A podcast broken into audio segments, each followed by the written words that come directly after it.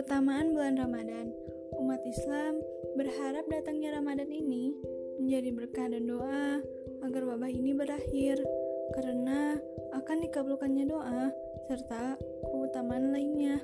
Setiap amalan dan ibadah akan dilipat gandakan pahalanya. Tuhan menutup pintu neraka dan membuka pintu surga.